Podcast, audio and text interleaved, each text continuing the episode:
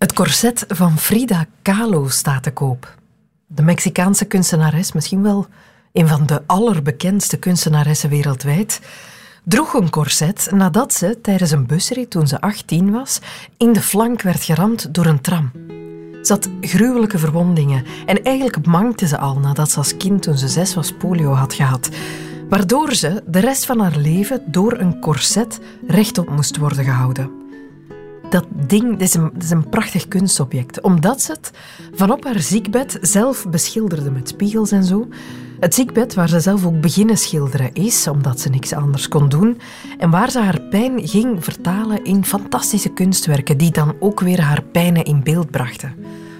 Dat corset is voor de fans van Kalo van onschatbare waarde. Daar had ik het over met galeriste Sophie van der Velde onlangs. Zij stelde dat corset begin dit jaar tentoon op de Brava kunstbeurs in Brussel. Ik heb uh, zelf uh, voor dit corset ook naar de V&A, uh, Victoria and Albert in Londen, en naar Brooklyn gereisd. En ja, mensen staan daar te huilen soms. Echt? Letterlijk en figuurlijk, ja, omdat ze het lijden erkennen. Het is een, een leven vol pijn geweest. En ja, veel mensen herkennen de kracht daarin. En zij is nu een van de IT-personen. Ja. Uh, over heel de wereld. En tot op vandaag uh, inspireert ze enorm. Mensen barsten spontaan in snikken uit als ze dat corset van Kalo te zien krijgen. Omdat ze het lijden herkennen. Er zijn heel veel mensen die pijn lijden, die chronisch pijn lijden. Eén op vier. En toch hebben we het er nooit over. Maar nu dus wel. Welkom in de wereld van Sophie.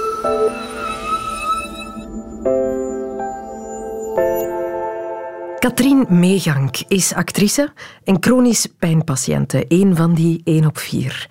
Hoe is het? Dat is zo'n vraag die wij nogal achteloos aan elkaar stellen, maar die bij haar toch wel wat anders resoneert.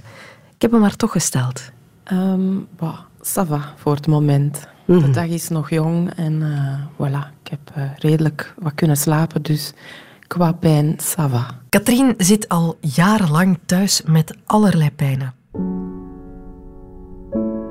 Spierpijnen, gewrichtspijnen, neurologische pijnen, uh, pijnen door spierspasmen, pijnen door die spierspasmen te proberen onderdrukken, uh, soms heel zware hoofdpijnen, mhm. soms stekende pijnen. Dus uh, ja.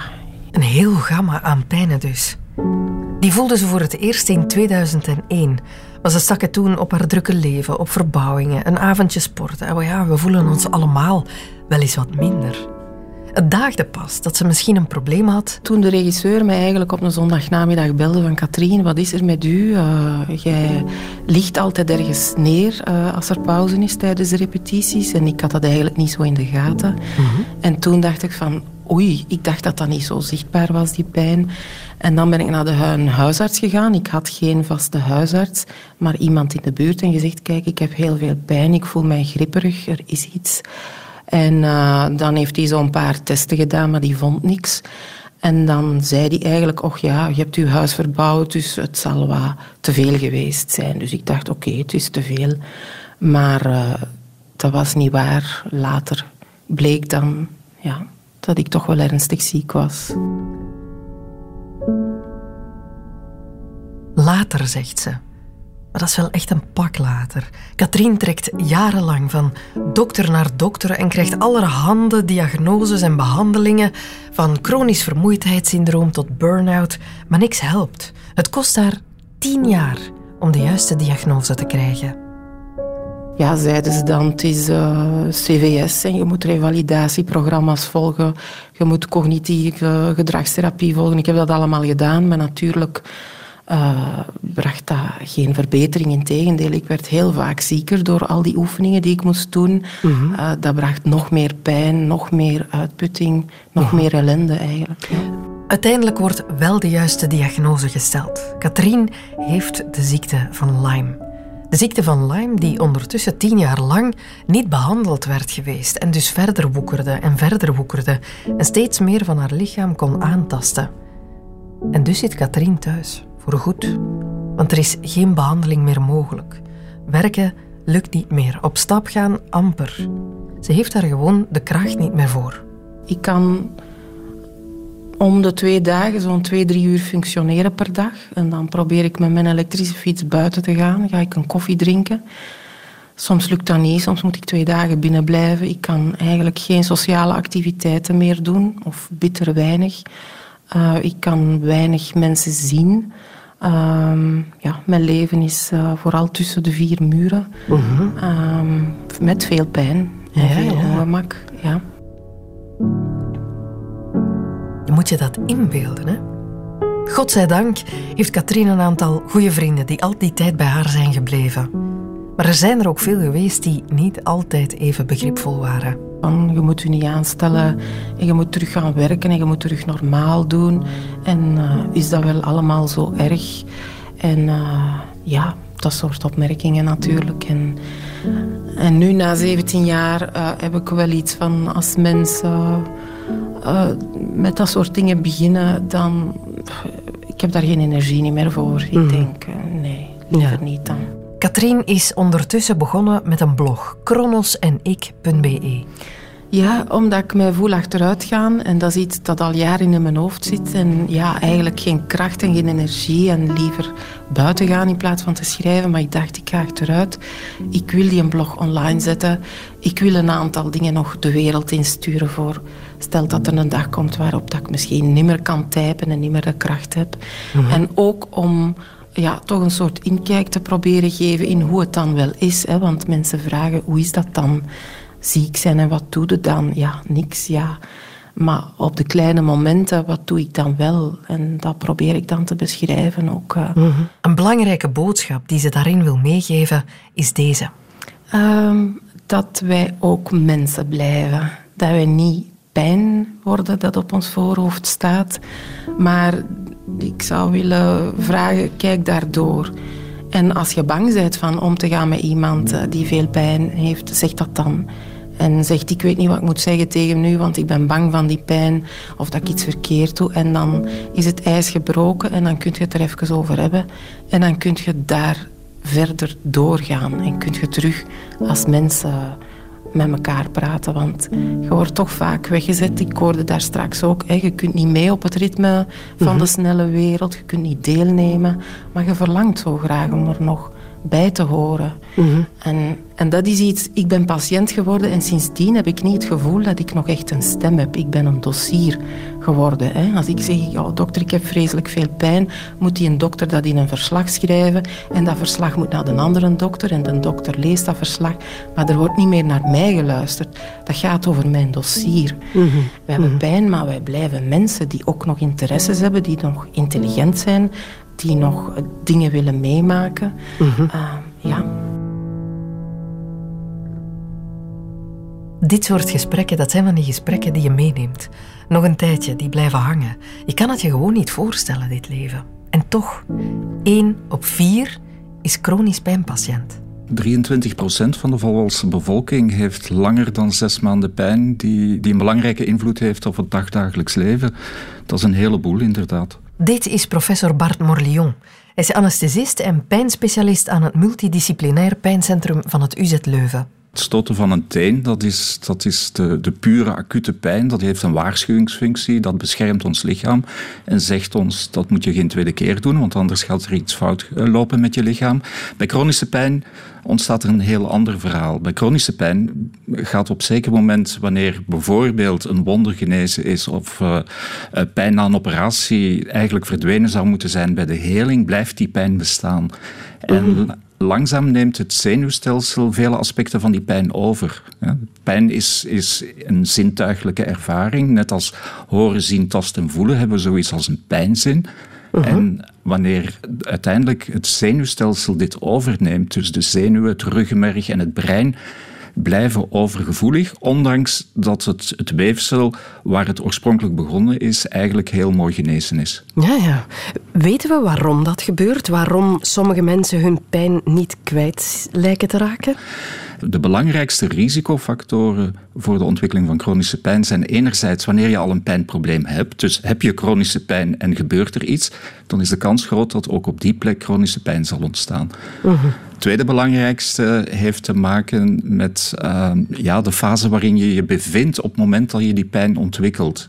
Ik geef een voorbeeld. Wanneer je uh, tijdens een, een, een, sombere periode iets voor hebt, dan is de kans al groter dat je chronische pijn ontwikkelt. En dat heeft ermee te maken dat het brein op zich heel sterk pijndempend kan zijn. Dus ons brein produceert heel goede pijnstillers, als we mhm. het zo mogen zeggen. Maar die systemen die beginnen stilaan te falen op momenten dat, uh, dat je tekort hebt, een relatief tekort aan bepaalde stofjes. En onder andere het gelukshormoon. De, serotonine, speelt daar een heel grote rol in. En vandaar dat er zo'n groot verband is ook tussen emoties en pijn. Ah ja, dat is heel erg fascinerend. Dat je eigenlijk dat je mentale toestand een, een, een rol kan spelen in je herstelproces. Een heel belangrijke rol. Dat wordt heel sterk onderschat. Wordt ook heel vaak weggewimpeld uh, door uh, patiënten.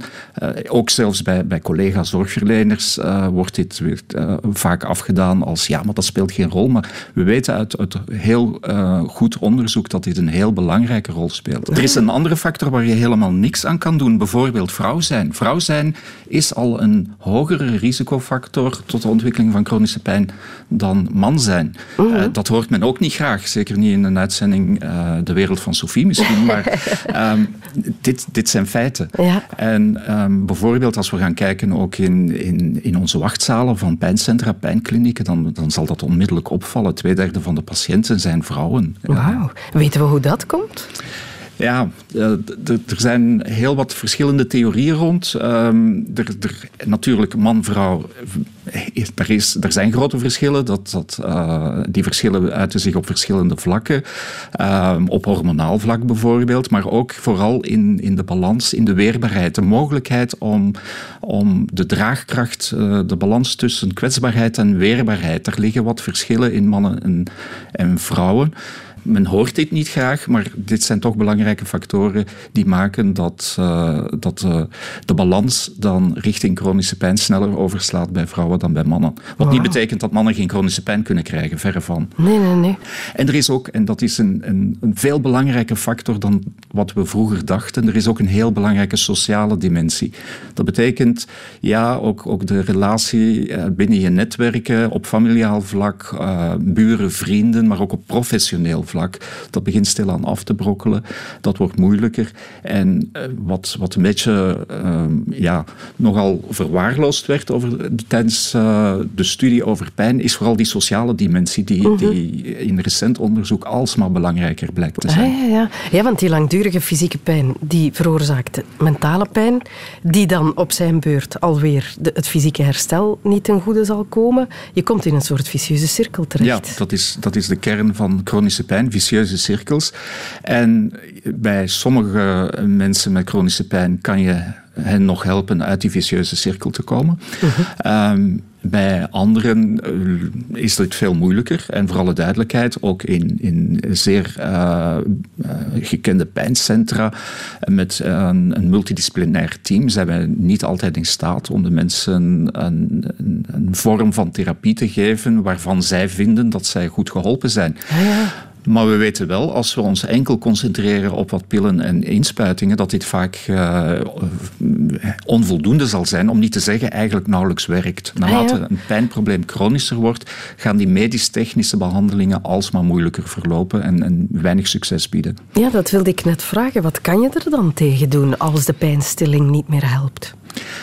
Ja, dan zijn er de, de, verschillende strategieën mogelijk. Uh, laat me even uitleggen zoals mm -hmm. ik mhm. het uh, op het spreekuur aan mijn patiënten uitleg. Kijk, de, meestal komen de mensen bij ons terecht wanneer zij reeds zeer veel technische behandelingen achter de rug hebben. Ze hebben pillen genomen, ze hebben spuiten gehad, ze hebben vaak ook chirurgie gehad en het blijkt, mijn chronische pijn kan je niet wegsnijden -hmm. uit het lichaam.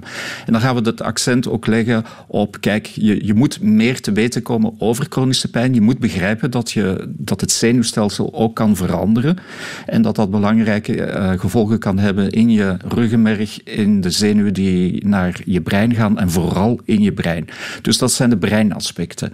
En het, de andere pijler waar we dan sterk op inzetten, en wat ook niet altijd makkelijk over te brengen is, is de rol van beweging. Niet enkel beweging op de pijnlijke plek, want dan gaat men vaak horen, ja, maar dat, dat kan ik niet, want dat doet pijn en ik, uh -huh. ik kan men niet bewegen. En toch is die beweging zo belangrijk. En, en ik, ik wil zelfs zo ver gaan om te beweren dat voor vele patiënten, niet voor iedereen, maar voor vele patiënten, uiteindelijk de beweging een van de kernelementen is in, in hun proces om dagdagelijks beter uh, te kunnen omgaan met die pijn. Dat wil niet zeggen dat zij dan absoluut minder pijn hebben, maar dat die pijn op de achtergrond komt. Als je hoort dat één op vier permanent met pijn leeft, ik zei het daarnet ook al met, uh, tegen Katrien, uh, het valt me op dat daar zo weinig over gesproken wordt. Ook al is het zo alomtegenwoordig. Ja, dat, dat vinden wij ook. We, doen ons best om uh, dit toch in, in, in, de kijker te zetten. Ik zelf ben ook zeer actief op Europees niveau om, om dit meer in de kijker te krijgen.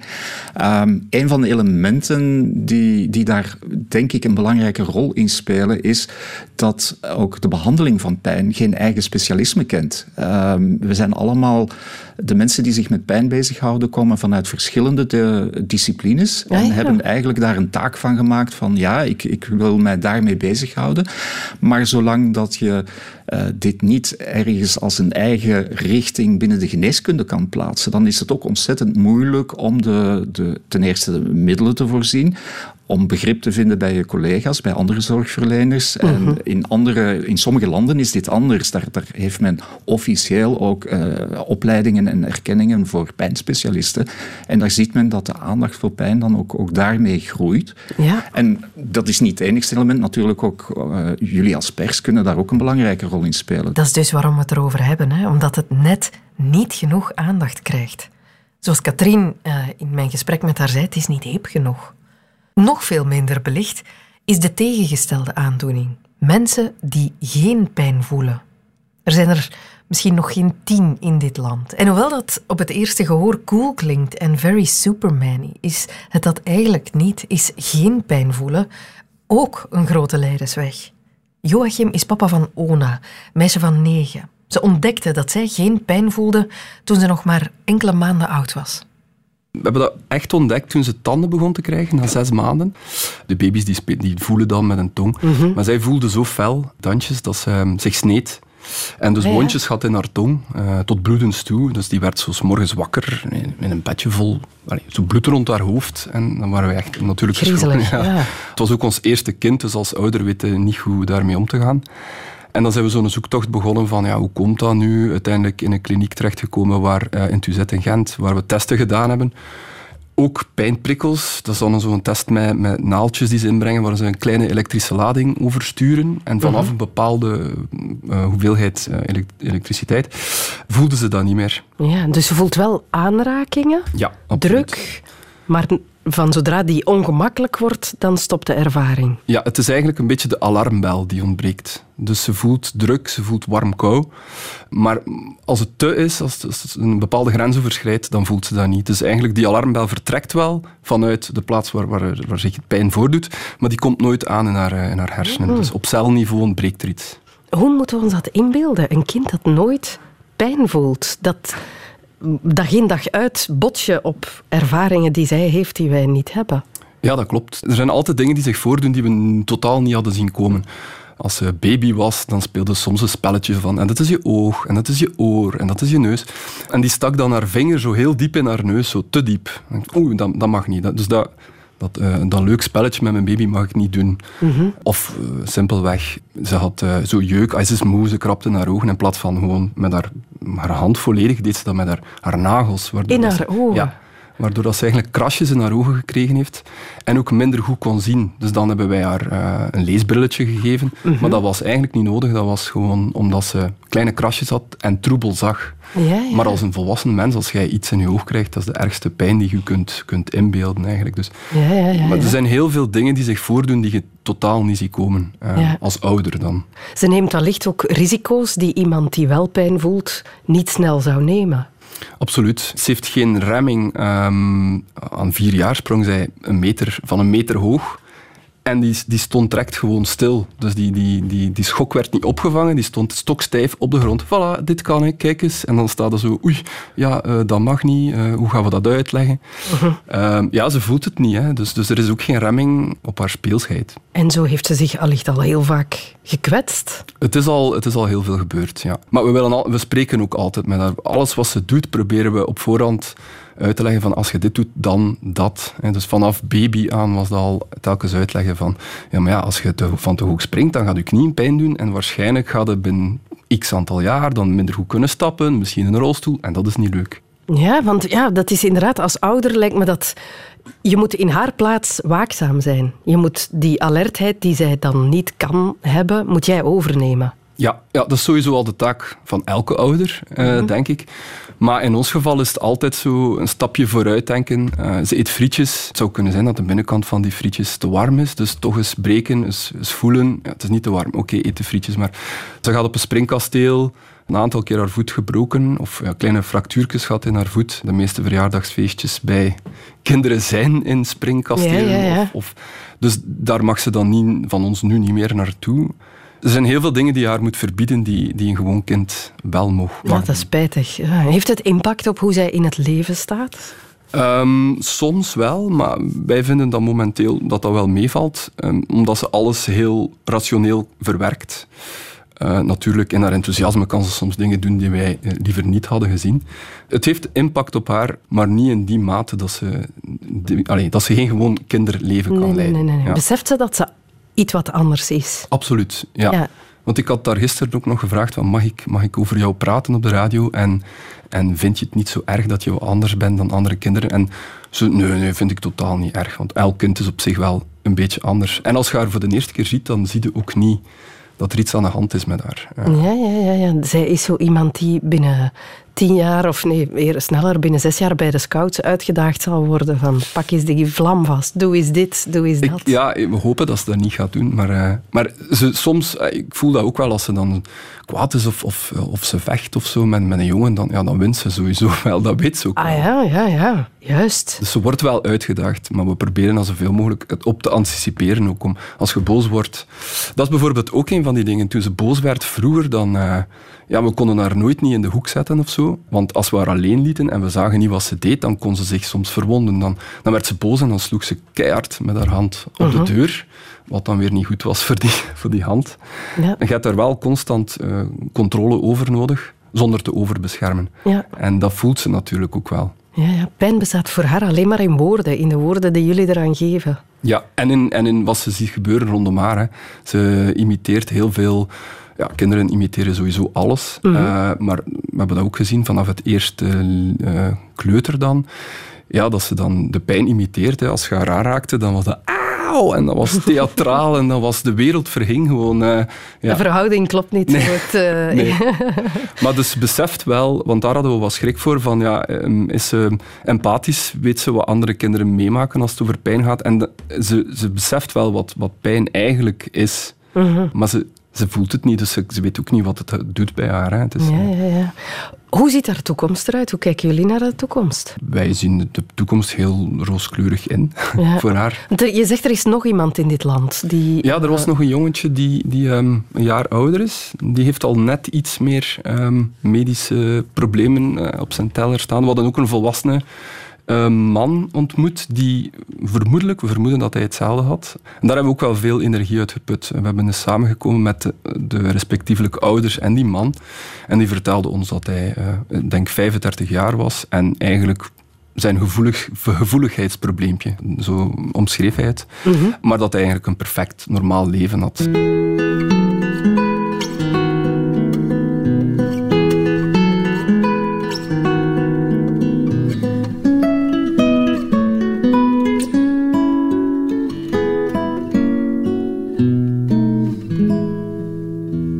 Zijn mensen met chronische pijn en er zijn mensen zonder pijn. Geen van beide situaties kies je. Het overkomt je en je richt je leven er zo goed en zo kwaad als het kan naar in. Maar er zijn ook mensen die kiezen voor pijn, die het opzoeken. Boksers bijvoorbeeld. Die laten zich met hun volle bewustzijn op het gezicht slaan, keihard. Allee, tenminste, dat is het risico dat ze lopen, waar ze zich telkens aan bloot moeten stellen. Hoe kijken zij naar pijn? Hoe gaan ze ermee om met de keiharde petsen die zij moeten incasseren? Brecht de Volderen zocht bokser Junior Bouwens op en hij vroeg het hem. We gaan kijken straks naar de laatste kamp van de avond, die tussen junior Jean-Pierre Bouwens en de Poolse nummer 1, Damian Zezinski. Als het zo'n moeilijke tegenstander zal zijn als dat zijn naam is, zal het zeer zwaar worden voor Junior Bouwers. Voor iemand die juist begint, voor een leek, zou dat misschien weet wel inderdaad pijn doen. Maar voor ons is dat meer een drug. We zijn gelijk die pijngrens al voorbij. Dus uh, dat is moeilijk te beschrijven, maar natuurlijk als topsporter je wil je wil je limieten overschrijden en, en je voelt nog altijd hetzelfde, maar je noemt het geen pijn meer nu. Nee, ik noem het. Uh, het is meer een genot. Bokste tot nu toe 45 elite partijen. Waarvan hij maar eens 40 won, waarvan 23 op knockouts. Noem de afzien pijn. Voor, voor sommige mensen noemt dat pijn, maar voor mij noemt dat, ja, is dat, is dat normaalste zaak van ik heb niets anders gekend. Ik ben van kleins af al van met de, in de boksport bezig en uh, ik heb altijd mijn grenzen verlegd. Dus om af, ik, zei, ik zie dat als een onderhoud. Ik zie dat als, als mijn, mijn eigen op peil houden. Dus ik zie dat niet meer als pijn. Hij is gewezen Belgisch kampioen. Gewezen tweevoudig Youth Intercontinentaal kampioen. En gewezen EBU Europees kampioen. Hij komt uit Gent. Dames en heren, graag applaus voor man in de rode hoek. Hier is de vuist van Gent. Hier is.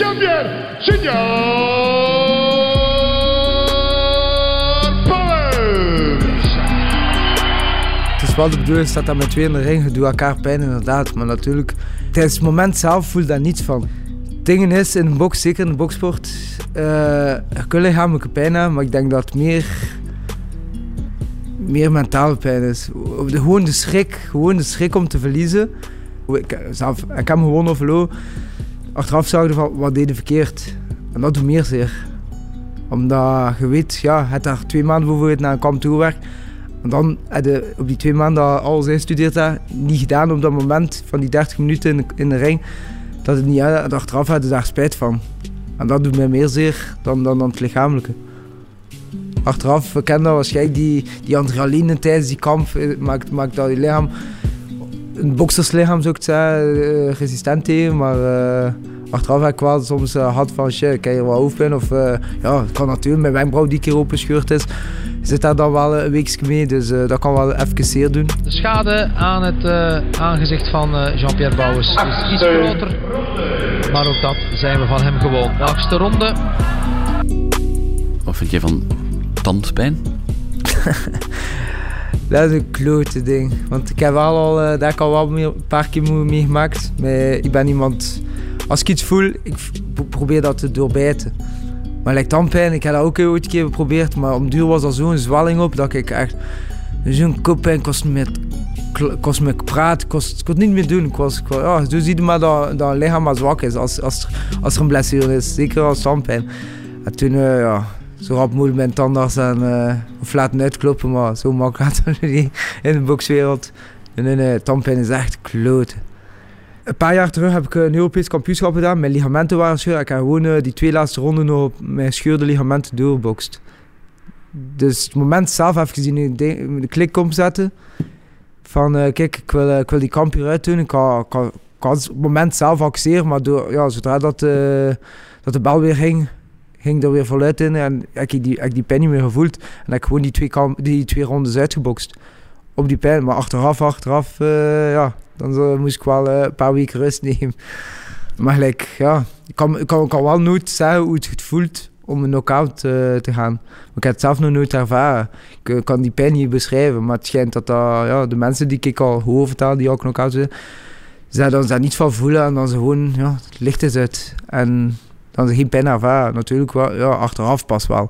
Dan is het wel lichte hersenschudding of een lichte, hoofdpijn. Dus momenteel kan ik daar nog niet zo over omdat ik het zelf nog niet meegemaakt heb. Maar hopelijk gebeurt het niet. Lichamelijk moest mij veel afkomen. Daar, ook, daar ben ik resistent tegen. Dus ik, ik ben, uh, daar heb ik totaal geen last van. Nee, nu dat, maar omdat mij met de vraag kwam van pijn, inderdaad, dat, is een moeilijk antwoord daarop. Want ik heb weinig dingen dat, dat, mij echt pijn doen.